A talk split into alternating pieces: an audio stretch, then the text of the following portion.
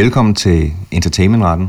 I dag har vi fokus på filmrettigheder, hvor vi vil gennemgå øh, gennem filmhistorien de største sager, der har været øh, omkring filmretssager. Øh, vi har en masse emner, vi skal gennemgå, øh, men vi har også fornøjelsen af at have Tobias Lindholm med i studiet. Det er et af dansk films helt store tandhjul. Han startede sin karriere med at skrive de første tre sæsoner af Borgen med Adam Prise. Hans egne spillefilm er Kabringen og Krigen har vundet et hav af internationale priser. Og Krigen blev endda nomineret til en Oscar i 2016. Senest kender folk ham måske som den kreative kraft bag serien Efterforskningen på TV2, og for at skrive manuskriptet til Oscar-vinderen Druk sammen med Thomas Winterberg. Han er desuden i gang med at færdiggøre en stor international Netflix-produktion, som han både har skrevet og instrueret. Velkommen til, Tobias Lindholm. Og tusind tak, fordi det er et travlt program, du har, en travl periode, og øh, det er en stor ære, at du har tid til at kigge forbi øh, Entertainment lige og give det besøg med på hele filmområdet. Det er en fornøjelse at være. Hvis der er noget, jeg elsker, så er det nørders univers. Så ja, men så er, du, så er du i hvert fald dukket op til rigtige sted. Det kan jeg afsløre, fordi det her det er nørdernes paradis, når det kommer til underholdningsbranchen i forhold til entertainmentret og jura. Det, vi har tænkt os at gøre, det var, at vi kunne godt tænke os at gennemgå lidt. Øh, han og jeg kommer til at gennemgå øh, som sagt en masse øh, hvad kan man sige, sager inden for, øh, for filmhistorien, retssager og hvordan øh, de sager er faldet ud, og hvilken problemstiller man skal være opmærksom på. Men det, som vi godt kunne tænke os øh, at snakke med dig om, det er, hvordan sådan en filmproduktion rent faktisk fungerer. Øh, og vi kunne godt tænke os, øh, og du kunne være med til at føre os igennem, hvordan du laver dine film, øh, og så vil vi undervejs komme lidt ind på nogle af de juridiske problemstillinger, som vi kunne se, der måske har været, Øh, måske opstår de slet ikke, øh, men nogle af de overvejelser, der kunne være. En af de ting, som kendetegner dine film, det er, øh, at du konstant søger at komme så tæt på virkeligheden som muligt øh, med din fiktion. Øh, du har blandt andet opereret med et dogme, øh, som kaldes reality rules. Øh, det er en meget virkelighedsnær tilgang til den her fiktion. Kan du ikke prøve at forklare, hvad, hvad der ligger i det? Øhm, jo, altså da jeg startede på filmskolen tilbage i 2005, Øhm, der var jeg ikke nogen filmnørd. Jeg havde set Lethal Weapon og Die Hard og den slags, øh, og, og havde ikke sådan nogen grundig filmhistorie med mig. Øhm, og det fik jeg jo så på filmskolen, og specielt om mandagen var der sådan en undervisningsrække, der sluttede med filmhistorie, hvor vi til sidst så en eller anden klassisk, klassisk film. Og der opdagede jeg til min overraskelse, at jeg synes, de film, der var mest interessante sådan fra et menneskeligt perspektiv, var dokumentarfilmene. Øh, ene og alene, fordi jeg kunne genkende den måde, karaktererne i dokumentarfilm agerede på. Øh, jeg synes, det var sværere i fiktionen at identificere mig med karaktererne. Jeg blev ofte mere fascineret af fiktionsfilmene, men jeg synes, der var noget dragende og noget meget menneskeligt over dokumentargenren. Og så tænkte jeg, hvorfor ikke prøve at blive så dygtig til at skrive så det, jeg laver, lyder og føles som dokumentar, samtidig med, at jeg styrer handlingsgang som forfatter og instruktør. Og, øhm, og deraf kom Reality Rules så, og, og af mangel på bedre, så kaldte Michael Nord, som jeg lavede øh, R sammen med, og jeg, vi kaldte vores metode øh, Reality Rules, af den simple grund, at vi opdagede, at hver gang vi forsøgte at tvinge en god idé ned i virkelige rammer. Øh, og hver gang scenerne sad fast og ikke fungerede, så var det fordi, vi havde tilført noget, der ikke havde en naturlig plads i det univers. Øh, og derfor blev det sådan en, en talemåde imellem os, at vi skulle huske, at reality rules, altså virkeligheden bestemmer. Vi skal ikke tilføre noget bare for at bevise, at vi har ret, eller fordi vi er fascineret af det. Vi må acceptere, at, at tingene har sådan en logisk sammenhæng i verden. Øhm, og det kan godt blive lidt langhåret øh, at snakke om, men følelsesmæssigt, så kan man jo godt genkende det fra sit eget liv. Øh, der er jo ting, der føles naturligt. Vi er alle sammen konstant omgivet af elementer, øh, som føles hjemmevandte og trygge. Øh, og lige så snart der er en lille ting, som ikke er så hjemmevandt, som vi ikke har oplevet før, så føles det enormt stort. Vi kender alle sammen fornemmelsen af at gå ind i en elevator, og alle står og kigger i samme retning. Hvis bare en af personerne i den elevator vender sig rundt og kigger på de andre, så er der jo egentlig ikke rigtig noget forandret. Der vil stadigvæk være en 12-13 mennesker i den elevator, Men det her menneske har valgt at vende sig om, og det bliver utrygt for resten. Og det kan man jo både bruge til at fortælle historien med, men man kan også desværre bruge det til at stoppe udviklingen i fortællingen, fordi man ikke er opmærksom på, hvad den naturlige orden i en, en given øh, setting er. Men når du netop trækker det ind i virkeligheden, øh, er der ikke en masse etiske overvejelser, man skal gøre der, både i researchfase og lignende, fordi du lige pludselig netop gør det virkelig, det, altså øh, at drage, den, øh, drage det hele ind i virkeligheden, hvor der lige pludselig er ægte mennesker med måske. Det er jo noget, vi også kendetegner for en film, hvor at, øh, øhm, at du bruger folk, som rent faktisk, øh, hvis det er i, i fængsler, øh, har siddet i fængsler øh, og lignende. Stiller det ikke nogle store krav til det? Altså, fordi det bliver pludselig netop virkelig. Jo, altså jeg tror det vigtigste, vi overhovedet kan være opmærksom på, det er, at jeg ikke er der for at fortælle vedkommendes egen fortælling. Altså øh, en person, der har siddet mange år i fængsel, har formodentlig en vis selvbedragerisk opfattelse af sit eget liv. Øh, og det skyldes jo ganske enkelt, at der er mange ting, der er svære i et kriminelt liv med mange fængselsstraffe, og der vil være noget, man er nødt til at gemme væk for at kunne overleve i det liv. Og det vil jo sige, at den persons selvopfattelse måske i virkeligheden ligger ret langt fra den opfattelse, vi andre kunne have. Øhm, og der har jeg jo et ansvar for at sørge for, at der er en balance imellem den forventning, det her individ har til den fortælling, jeg gerne vil lave, og så den ærlighed, jeg ønsker at bidrage med. Og det kan nogle gange skabe sådan nogle, nogle ret interessante diskussioner omkring, øh, hvad der er sandheden, og hvad der ikke er sandheden. Og i hvert fald følelsesmæssigt er øh, sandheden jo subjektiv. Øh, og man kan jo godt føle sig som øh, et, et, et perfekt menneske, uden at være det. Øh, og og der, der vil altid ligge nogle kampe om nogle indrømmelser øh, på den måde. Men jeg synes, at når vi laver film på den her måde, så er det største ansvar, jeg har, det er over for de mennesker, hvis virkelighed jeg tillader mig at portrættere. Øh, fordi de på den ene side er eksperter, men på den anden side også er så syltet ind i den virkelighed, så de næppe kan se det udefra, og ikke altid selv kan se øh, logikken eller skævheden øh, i det univers, de, de repræsenterer. Og for eksempel med R, som var øh, min sådan første store brydekamp med virkeligheden, der opdagede jeg jo hurtigt, at min fængselsopfattelse stammede fra amerikanske fængselsfilm, og ikke så meget fra en dansk virkelighed. Og researchen fortalte mig lige pludselig, at den danske fængselsvirkelighed på overfladen så øh, mere lejerskoleagtig ud, end det jeg kendte fra amerikanske film, men, men truslen om vold var mindst lige så præsent. Den var det bare på en anden måde. Og så måtte vi jo finde den måde, i stedet for at forsøge at reproducere øh, den amerikanske øh, ondskab, kan man sige, måtte vi jo prøve at finde, hvad er elementerne i den, ja, af mange på bedre danske ondskab. Hvor sidder du og smiler for? Hvad? Hvad er det, der er så sjovt? Okay, mor, man slapper vi lidt af. Skub ud og køle af. Nej, du bliver siddende.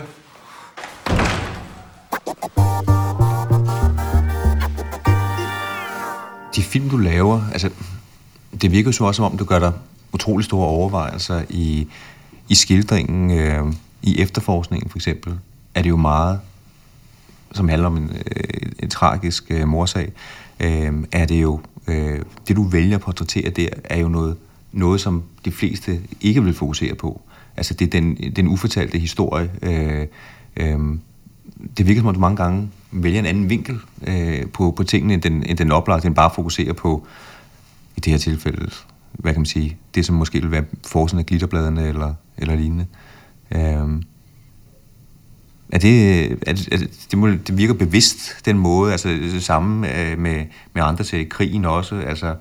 Øh. Øhm, jeg, jeg, jeg, du, har, du har fuldstændig ret. Altså, jeg havde på et tidspunkt sådan en, en, en idé om, at jeg altid skulle kigge fem minutter tidligere eller fem minutter senere ind i en situation, end alle andre ville gøre. Øhm, ofte så klipper vi jo til kødet, altså til der, hvor der sker noget. Mm. Øhm, og for eksempel, da vi skrev Borgen, der opdagede vi jo, at det jo aldrig var til møderne. Det mest interessante skete, det var altid i korridorerne lige før eller lige efter møderne. Øhm, og, og, øh, og det var jo sjældent, øh, ligesom når man ser nyhederne, så er det jo ikke særlig spændende at se øh, de forskellige øh, partiledere eller politiske ordfører stå øh, på række og vente på at få lov til at præsentere deres indflydelse på et nyt lovforslag. Øh, det må jo have været mødet bag den lukkede dør. Det var interessant at være. Og dermed gælder det om at prøve at finde ud af, hvordan kan vi åbne døren ind til nogle virkeligheder, der findes, men som vi ikke kender til. For dermed bedre at forstå øh, den virkelighed, vi er alle sammen er en del af. Og jeg synes i virkeligheden, at det er det, der er mit største ansvar som, som historiefortæller. Ikke alle historiefortællers ansvar, men mit øh, ansvar som historiefortæller, det er at prøve at være så virkelighedsnær som muligt, så vi rent faktisk kan tale om, at vi er en del af den samme verden. Og det er vi jo kun, hvis vi opfatter verden på nogenlunde samme måde.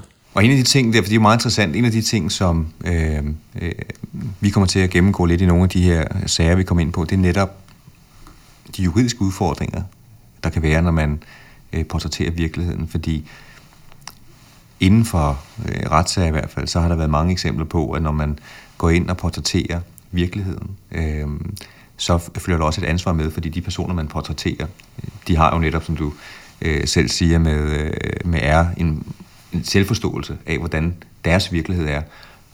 Jeg kunne forestille mig, at det sjældent er øh, den måde, som det nødvendigvis bliver portrætteret på øh, i en film.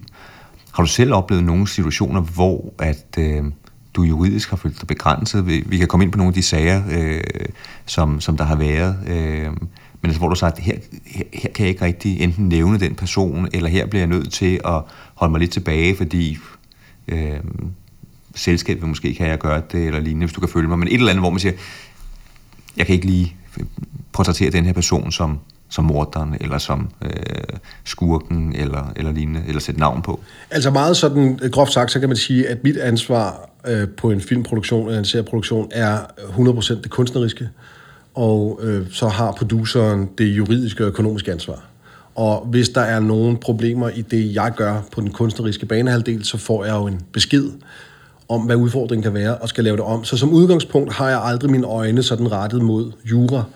Øh, dels er det komplekst, og del, dels så har jeg ikke lyst til at forurene sådan den, den renhed, der egentlig bare handler om det menneskelige ansvar, øh, der kan være over for, øh, over for, øh, for folk. Og der er en helt simpel ting i den måde, vi arbejder på. For eksempel i, i, i krigen, der var jeg jo ude og invitere, eller undskyld, interviewe en, en lang række øh, tidligere soldater og øh, hustruer til, til, til, til, til soldater og børn til soldater og, og, og forsvarsadvokater, der havde, der havde ført sager for, øh, for soldater, der var anklaget for, for krigsforbrydelser og den slags. Og, øh, eller i hvert fald for brud på, på forskellige regler inden for militæret. Øh, og der følte jeg jo et ansvar for at repræsentere deres virkelighed, og ikke fordi det passede godt ind i plottet, gøre dem under eller bedre, end de egentlig var. Øh, jeg har enkelte gange været ude for, at øh, produktionen så på et tidspunkt har kontaktet mig og sagt, hov, det her kan vi ikke. Altså for eksempel øh, var jeg med til at lave den serie på Netflix-serie, der hedder øh, Mindhunter. Der var jeg i Pittsburgh og lave øh, første sæson. Og jeg skulle så instruere øh, femte og sjette afsnit, som jeg husker det. Og øh, hele serien er bygget op som en lang række øh, portrætter af seriemordere, der bliver afhørt af, af de FBI-agenter, som har udviklet det, der nu bliver kaldt profiling, altså ideen om, at vi kan lave en psykologisk profil af en morder, og dermed indsnævre øh, gruppen af mistænkte øh, til, en, til en lille gruppe. Og det var enormt spændende. Øhm, og en af de FBI-agenter, der havde været med til at udvikle profiling, havde skrevet en selvbiografi, der hed Mindhunter, og det var så den bog, hele serien byggede på. Øh, og øh, afsnit 5 og 6 skulle så dække en sag, hvor en søskendeflok på to brødre og en søstre, søster i fællesskab havde slået en ung kvinde ihjel i en, i, i en by i et eller andet sted i, i Pennsylvania. Og i bogen skriver den her tidligere FBI-agent øh, noget, der er svært at tyde, om han tager det som en antagelse eller et fakt, men i hvert fald, når man læser bogen, har man klart opfattelsen af, at hvem morderen er. Så det bliver afsnittene til denne her tv-serie så skrevet på, og det viser sig så, at, at denne her person aldrig blev dømt for de drab, og faktisk går rundt i, i Pittsburghs gader som en fri mand. Og der var vi jo meget, meget tæt på at komme på optagelse med nogle, med nogle manuskripter, der jo fortalte historien om, at det var ham, der havde slået, slået nogle kvinde ihjel. Og der måtte vi på, på et meget få dage skrive hele øh, manuskriptet om, så det distancerede sig fra virkeligheden, og altså lige ændrede nogle detaljer, således at det ikke var en søskendeflok på to brødre og en søster, men det var en bror og en søster og søsterens kæreste. Øh, og der var så nogle elementer, øh, vi måtte lave om. Så det tror jeg er den eneste gang, hvor jeg sådan decideret fra juridisk side er blevet pålagt at ændre øh, noget, der var skrevet. det jeg så opdagede, det var, at det ikke gjorde noget, fordi logikken bag det, vi gerne ville fortælle, øh, og logikken i den, man kan sige, den menneskelige indsigt, som den drabsag tilbød, øh, fandtes øh, stadigvæk, Øh, selvom vi ændrede på de facts. Men det var lidt specielt, også fordi det så er de to eneste afsnit, der har en fiktiv øh, øh, drabshistorie. Øh, resten bygger på, på virkelige begivenheder. Ikke? Man ser det jo øh, i forskellige film, hvor man netop gør det her. Man ændrer det en lille smule, så det bliver lidt øh, fiktion. Det så vi også i Wolf of Wall Street, øh, hvor den person, som bliver portrætteret som tror jeg, en narkoafhængig, øh, øh, hvad kan man sige, sælger øh, de her øh, øh, folk, øh, blev sur, fordi han mente, det var ham, der blev portrætteret der. Men Hanne, hvad mener du, vil vi overhovedet have et problem her med, øh, det der er det sjove i den sag, du nævner, Tobias, det er, rent juridisk gør du ikke nogen forskel i historiefortælling, om det er en film eller en bog. Så den her FBI-agent, der har skrevet øh, den her serie, han vil også have haft et problem, altså ligesom med filmen, når han har, når han har gengivet det her, hvem han tror er, er morderen. Hvad tænker du, Hanne? Det, er det et, øh, er der, hvor går grænserne øh, for, for historiefortælling i, øh, ud fra sådan et juridisk perspektiv? Altså, øh, som udgangspunkt er der vel sådan rimelig hvide grænser for, hvad man må ud fra sådan nogle altså kunstnerisk ytringsfrihed. Og, men, men det er klart, at vi har nogle øh, regler, som, øh, som beskytter mod, at der pludselig bliver udgivet en tv-serie eller en film eller en bog, øh, hvor, som udstiller en nulevende eller afdød person i, i dårligt lys. Og, og dårligt lys, det er måske ikke bare sådan, at han var usympatisk, eller, men sådan konkret har gjort noget, der, der, er, der er strafbart. Ikke? Øhm, men der skal ret meget til. Der skal ikke? meget Fordi til. Vi har jo haft sager, som vi også kommer ind på, øh, helt fra øh, de danske til de lidt øh, store i, i Titanic. Er der sådan en, en klassisk scene, øh, hvor øh, for dem som, det kender jeg sikkert alle sammen, Titanic, men, men Rose mand, øh, forretningsmanden, går hen af, øh, på skibet, det er ved at synke, og alle redningsbådene er fyldt op, der er en tilbage, hvor der er et par pladser i, og så siger han til en af de her øh, folk, som går ved siden af ham, som er besætningsmedlem, øh, jeg er en forretningsmand, du er en forretningsmand, og så får han en ordentlig omgang øh, Bestikkelse. penge, bestikkelse. Ja. Øh, og ender endda med at begå selvmord. Øh, hvis man ikke kan huske scenen, øh, når båden bliver øh, sænket ned af, af dårlig samvittighed. Og det er en virkelig person, øh, de portrætterer her. Øh, ligesom den virkelige person, øh, som bliver portrætteret som, som morderen her.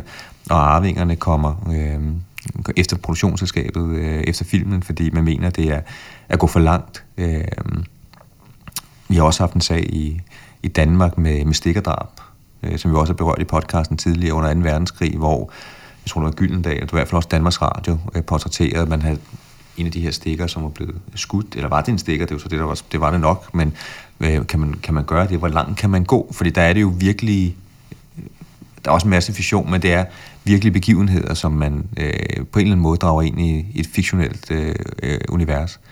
Øh, Og der er selvfølgelig en eller anden vifte, tænker jeg, hvis, hvis de informationer eller de oplysninger, der kommer hvis de oplysninger eller informationer, der kommer ud, ligger over i sådan, hvis man sige, vedkommende er blevet skilt, vedkommende har tre børn, han bor der, så, er- så er det ikke så problematisk. Det er jo det er problematisk, når, vi, når, når der er tale om, hvad skal man sige, noget, som, som i hvert fald i den almindelige øh, forståelse er dadværdigt, ikke? at man får det lagt ud på, øh, men der er det altid... og så er der også en tidsmæssigt slip, tænker jeg. Altså, der er også øh, der er forskel på, øh, om det er gamle historiske personer, som har været døde i masser af år, eller det er nulevende personer.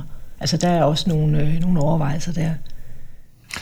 Ja, altså man er jo man lige, man er beskyttet også, når man er, man er død. Altså, Ja. De her regler, det er jo så mere sådan personlighedsretlige regler, øh, og der siger man normalt, der gælder en beskyttelse. Der har været sager i Danmark, hvis der har været sådan i kommersiel sammenhæng med, med for eksempel Dirk Passer, som kom på et frimærk efter at han var død, hvor arvingerne ikke ville have det selv.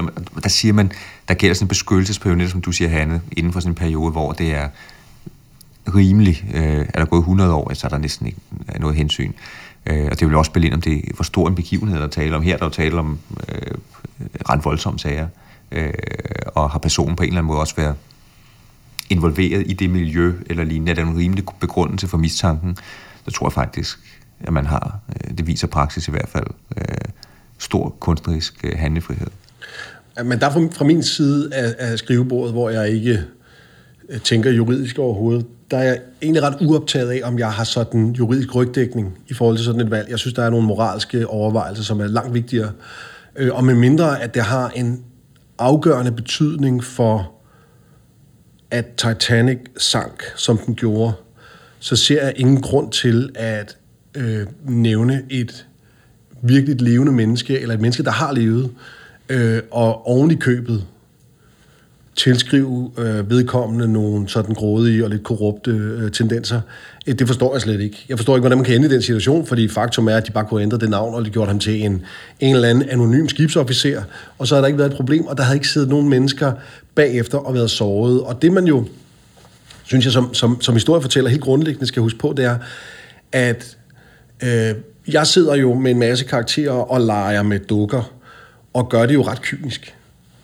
Men lige så snart, at filmen bliver levende, så bliver det enormt følelsesmæssigt vækkende for alle, der ser det. Øhm, og så kan det jo pludselig føles ret voldsomt, at den morfar, man har hørt om altid som en held, pludselig bliver portrætteret som et, et korrupt øh, menneske, der begik, der begik selvmord. Øh, så, så, så, så det forstår jeg slet ikke, at, at man ender i. Og jeg synes altid, at, at man jo bare kan bevæge sig væk fra virkeligheden. Yeah!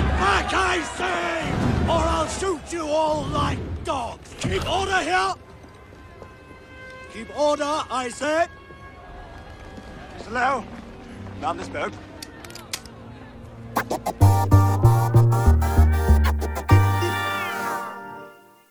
Men vil man også kunne gøre det i Mindhunter? Altså, du, du siger, at det er baseret meget på, på fakta, rigtige personer, rigtige uh, mordere, uh, på bogen. Kunne man ikke forestille sig, at der godt kan være situationer som den, uh, nu har jeg ikke læst bogen, men kender selvfølgelig serien, hvor man siger, at det, det er faktisk nødvendigt der måske at vise, hvem det var, som øh, efterforskerne mente, det var. Altså, øh, kan der ikke være situationer, hvor man øh, øh man kan sige, at det fiktionelle kommer lidt til kort? Jo, ud fra et kommersielt synspunkt tror jeg, at det er enormt øh, øh, brugbart at kunne sige bygget på virkelige begivenheder. Men virkelighedens logik kan man jo sagtens aftvinge, og så lave lidt om på nogle elementer i det. Øh, den tv-serie, der hed Tjernobyl, som var fremme for et par år siden, som jeg synes var helt fantastisk, øh, var meget, meget virkelighedsnær, men de gjorde for eksempel en hel afdeling, gjorde de til en enkelt kvinde, fordi øh, publikum ikke har muligheden for at involvere sig med så mange mennesker. Og derfor sagde man ligesom, vi, vi, vi tager alle disse mennesker, og så gør vi dem til, til, til, til én person. Øh, jeg gjorde det samme i, i efterforskningen. Der besluttede vi meget hurtigt, eller jeg besluttede, at Jens Møller, altså drabschef for Københavns politi på daværende tidspunkt, øh, Jakob Buk, som var øh, anklager i sagen, øh, og øh, Ingrid og Joachim øh, og Kim ville vi nævne med rigtige navne. Øh, resten ville vi opfinde navne til. Og jo ikke fordi, at jeg ikke synes, at der er masser af mennesker, der har arbejdet sammen med Jens Møller, der var interessante og godt kunne have fået deres navn nævnt, men det havde jo egentlig ikke nogen betydning, hvad de hed. Det var kvaliteten eller metoderne i deres arbejde, der var interessant for os at arbejde med.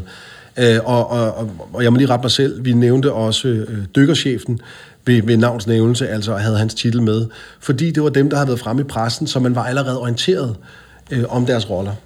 Øh, og så resten af, af detektiv- øh, og øh, op, efterforskerflokken gjorde vi til øh, fire-fem andre personer, øh, som så til sammen repræsenterede hele arbejdsstyrken, øh, der havde været bagved.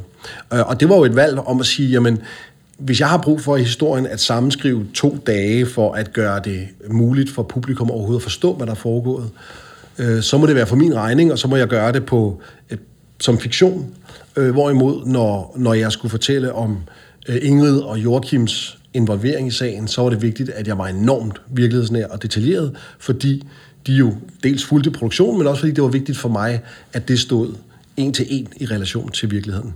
Øh, så på den måde kan man jo, øh, hvad kan man sige, synes jeg, der er nogle dele af historien, hvor det er meget, meget vigtigt, at man er en til en med virkeligheden, men man kan jo have jo ansvaret om at spørge sig selv om, hvornår er det, og hvornår er det egentlig overhovedet vigtigt. Øh, bare lade sig inspirere af virkeligheden og så ændre navnene, fordi historien kan jo godt have en relevans, øh, uanset om hovedpersonen hedder Paul eller Peter. Det er jo mange drab, så jeg har været involveret i. 38. Alligevel har jeg aldrig oplevet en sag som den her. Og et spørgsmål i den forbindelse, det er nok ikke så juridisk, men det er øh, selvfølgelig etisk vigtigt. Oplever du nogle, nogle gange at få kritik for det her med, det er jo, øh, hvad kan man sige, farligt om at gå ind på med netop med virkeligheden, efterforskningen, Afghanistan-krigen, ting, hvor folk har, har følelserne med sig, der er politik indover også. Øh, oplever du det, øh, at, at der kommer kritik der? Ja, det er, jeg tror, at, at, at, at når man når man som jeg laver øh, fortællinger fra virkeligheden, eller som er en del af, af, af vores fælles verden, øh, så er det jo en, indimellem en dartskive. Øhm, og det er sådan set også øh, fint nok, fordi det er jo øh, egentlig er grunden til, at vi fortæller de historier, er jo, at de skal skubbe lidt til, til vores virkelighed. Nogle gange kan man undre sig over, at, at vi har sådan en idé om, at fiktion ikke må beskæftige sig med virkeligheden, øh, men at journalistik må gøre det på hvilken som helst måde, man vil. Øh, og det er jo i hvert fald sådan en opfattelse, som jeg, som jeg i mit arbejde går lidt imod. Jeg mener, at fiktionen faktisk har en fornemmere og, og renere mulighed for at komme tættere på sandheden, end det meste øh, journalistik har. Af den simple årsag, at vi ikke er bundet op på hverken øh, øh breaking news eller antal anslag. Vi kan fortælle de detaljer fra virkeligheden, vi gerne vil. Og så er øh, fiktion bygget op af to meget simple dele. 50% identifikation og 50% fascination. Og fascinationen ved vi jo alle sammen godt, hvad er. Det er hurtige biler og rumskibe og drabsager og alt muligt, som jo gør, at vi overhovedet får lyst til at se en fortælling. Altså, nå, det er historien om øh, øh, øh den her russiske ubåd, eller det er historien om øh, øh, tyske soldater i 2. verdenskrig, eller hvad det nu kan være. Identifikationen er dog det aller, aller vigtigste, for det er der, vi genkender os selv som mennesker, og det er der, hvor historien, vi fortæller, får en eller anden type sådan sjælelig relevans. Øh, og hvis man glemmer identifikationen, altså menneskeligheden og menneskeliggørelsen af fortællingen, så bliver det jo ofte meget øh, sådan kynisk og factbaseret. Og jeg tror, jeg synes, at det meste journalistik i disse tider har for lidt identifikation, altså simpelthen for lidt menneskeliggørelse, og langt mere øh, fascination. Øhm, og der kan fiktionen noget helt andet, fordi den tilbyder os muligheden for at være et andet menneske for en stund. Øhm, og det at kunne tilbyde publikum at være en 13-årig sort pige, eller en Jedi, eller en ninja, eller en øh, i Pretty Woman, en, en prostitueret øh, på jagt efter et bedre liv, og du kan identificere dig med det menneske, så går du jo ud af biografen lidt rigere, fordi du er i stand til at genkende dig selv i de mennesker, du omgiver dig med. Og det er jo det smukke ved, ved historiefortælling. Og der er identifikationen det aller, aller vigtigste, og der fylder fascination i alle andre facetter øh, meget mere. Hvis vi prøver lidt, øh, går på en helt anden bane. Øh, en af de ting, som vi har, øh, har drøftet øh, i de juridiske sager, det har været noget så praktisk som, øh, som filmsettings. Øh, og igen, du beskæftiger dig med virkeligheden, så jeg går ud fra, øh, at, at du måske kan have nogle, be, øh, hvad kan man sige, nogle begrænsninger, hvis du ikke kan vise det, som, som det er. Øh, de ting, som vi har snakket om, det er, der gælder jo faktisk inden for, for ophavsretten regler om, at det stole, man øh, sidder på, det tøj, man går i, de malerier, der hænger på væggen, hvis du går ind på et museum, hvis du går forbi en lille havfru, det har vi haft, kan jeg afsløre rigtig mange sager om i den her øh, podcast, øh, hvis du sidder med noget bestemt legetøj øh, eller lignende, så er alle de ting jo beskyttet. Øh, og, øh, Øhm, og der kræver det øh, som udgangspunkt tilladelse, men så har man selvfølgelig nogle generelle bestemmelser, som vi også har gennemgået i, øh, i, i de her sager, hvor man, man godt må gøre det, hvis det ikke er en dominerende betydning. Øh, så, og det skal man så drøfte, hvis Johnny Depp sidder med en vampyrfilm med en lille trold og øh, ærer den over håret, øh, at det så er underordnet betydning. Og det er vel at mærke af en ophavsretligt beskyttet trold. Ja, øh, en gyldtrold i øvrigt også, øh, som der har været mange sager om. Ja. Øhm, har du, oplever du overhovedet, at du må tage nogle valg nogle gange, hvor du siger, men jeg skulle i tvivl, om jeg kan vise det her øhm, øh, af, af forskellige årsager, altså, øh, eller Øhm, har du haft frie rammer? I Danmark tror jeg ikke, jeg har oplevet øh, ting, vi ikke kunne vise, som vi gerne ville vise. Øhm, der har været moralske grunde til, at der var ting, vi ikke ville vise. Øh, men, men jeg tror ikke, at sådan ophavsretsmæssigt har været begrænset. I USA er, virker det som om, at der er en lidt større sådan angst forbundet med produktionerne. og De kan godt være lidt bange for de her, øh, for de her sagsanlæg øh, fra de helt store øh, mastodonter. Øh, et eksempel er den film, jeg lige har, har, har været over filme sidste år i USA, der hedder The Good Nurse, som jeg øh, er i gang med at færdiggøre lydarbejdet på øh, i disse dage. Øh, det handler om, om en, en seriemorder, der hedder øh, Charlie Cullen, øh, og der er jo ikke rigtig nogen brand, der har lyst til at blive forbundet med ham. Øh, og derfor øh, besluttede vi ret tidligt at anonymisere langt de fleste produkter. Altså helt bevidst ikke gøre os afhængige af at få lov til at bruge. Og det vil jo sige, at man bare sætter øh, nogle... Alle ved jo, hvordan fast food ser ud, så om der står McDonald's, eller ikke står noget på, er sådan set ikke så vigtigt. Øh, om det er en takeaway kaffekop fra det ene sted, det andet sted, eller et selvopfundet tredje sted, betyder egentlig ikke noget for historien. Så vi, vi forsøgte at gøre os selv øh, usårlige ved, øh, ved ikke at invitere den slags indenfor. Og så alligevel ender man indimellem i sådan nogle situationer, hvor man bliver overrasket. Eksempelvis, øh, og det er virkelig bare sådan lidt intern joke, men altså øh, min ældste søn på 12, han øh, og jeg, vi synes, det var sjovt, at der sidder nogle karakterer i filmen på et tidspunkt og ser noget tv, og der skal bare egentlig være noget tv-lyd i baggrunden, og så researchede jeg på, hvad man så i, i fjernsynet om eftermiddagen i 2003, og der var Wheel of Fortune øh, øh, ret stort, og derfor fandt jeg et afsnit af Wheel of Fortune på amerikansk, og så synes jeg, at det var sjovt, fordi min første spillefilm hed R, at finde et, et, et, et, et, et lille klip, hvor der var en, der beder om bogstavet R. 200. May I have an R, please? Sure, there's an R. Right. Øh, og så får han det og, får, og, og, og vinder. Og det var i virkeligheden jo tale om syv sekunder, som øh, min søn og jeg sad og fandt. Og så meldte øh, ejerne af Wheel of Fortune tilbage, at det ville de ikke være med til. Vi måtte ikke bruge øh, det her øh, klip. Og jeg tror godt, vi kunne have slået tilbage, men vi besluttede os for ikke at gøre det, og fandt så i stedet for et eller andet åndssvagt øh, quizprogram. Øh, Så det, det tror jeg er den eneste gang, hvor jeg decideret sådan har måttet redigere noget ud og sætte noget andet ind. Det var altså Wheel of Fortune. Blot som de af, øh, et afsluttende spørgsmål her til sidst, Tobias, og tusind tak for at føre os igennem en, og på virkelig så faktisk en virkelig forståelse for os på, hvordan øh, en filmproduktion er. Det vi sidder jo bare og ser det udefra. Øh, har du oplevet nogen moralske overvejelser lignende i dine produktioner, øh, øh, når du fokuserer her på, på virkeligheden og går så tæt på?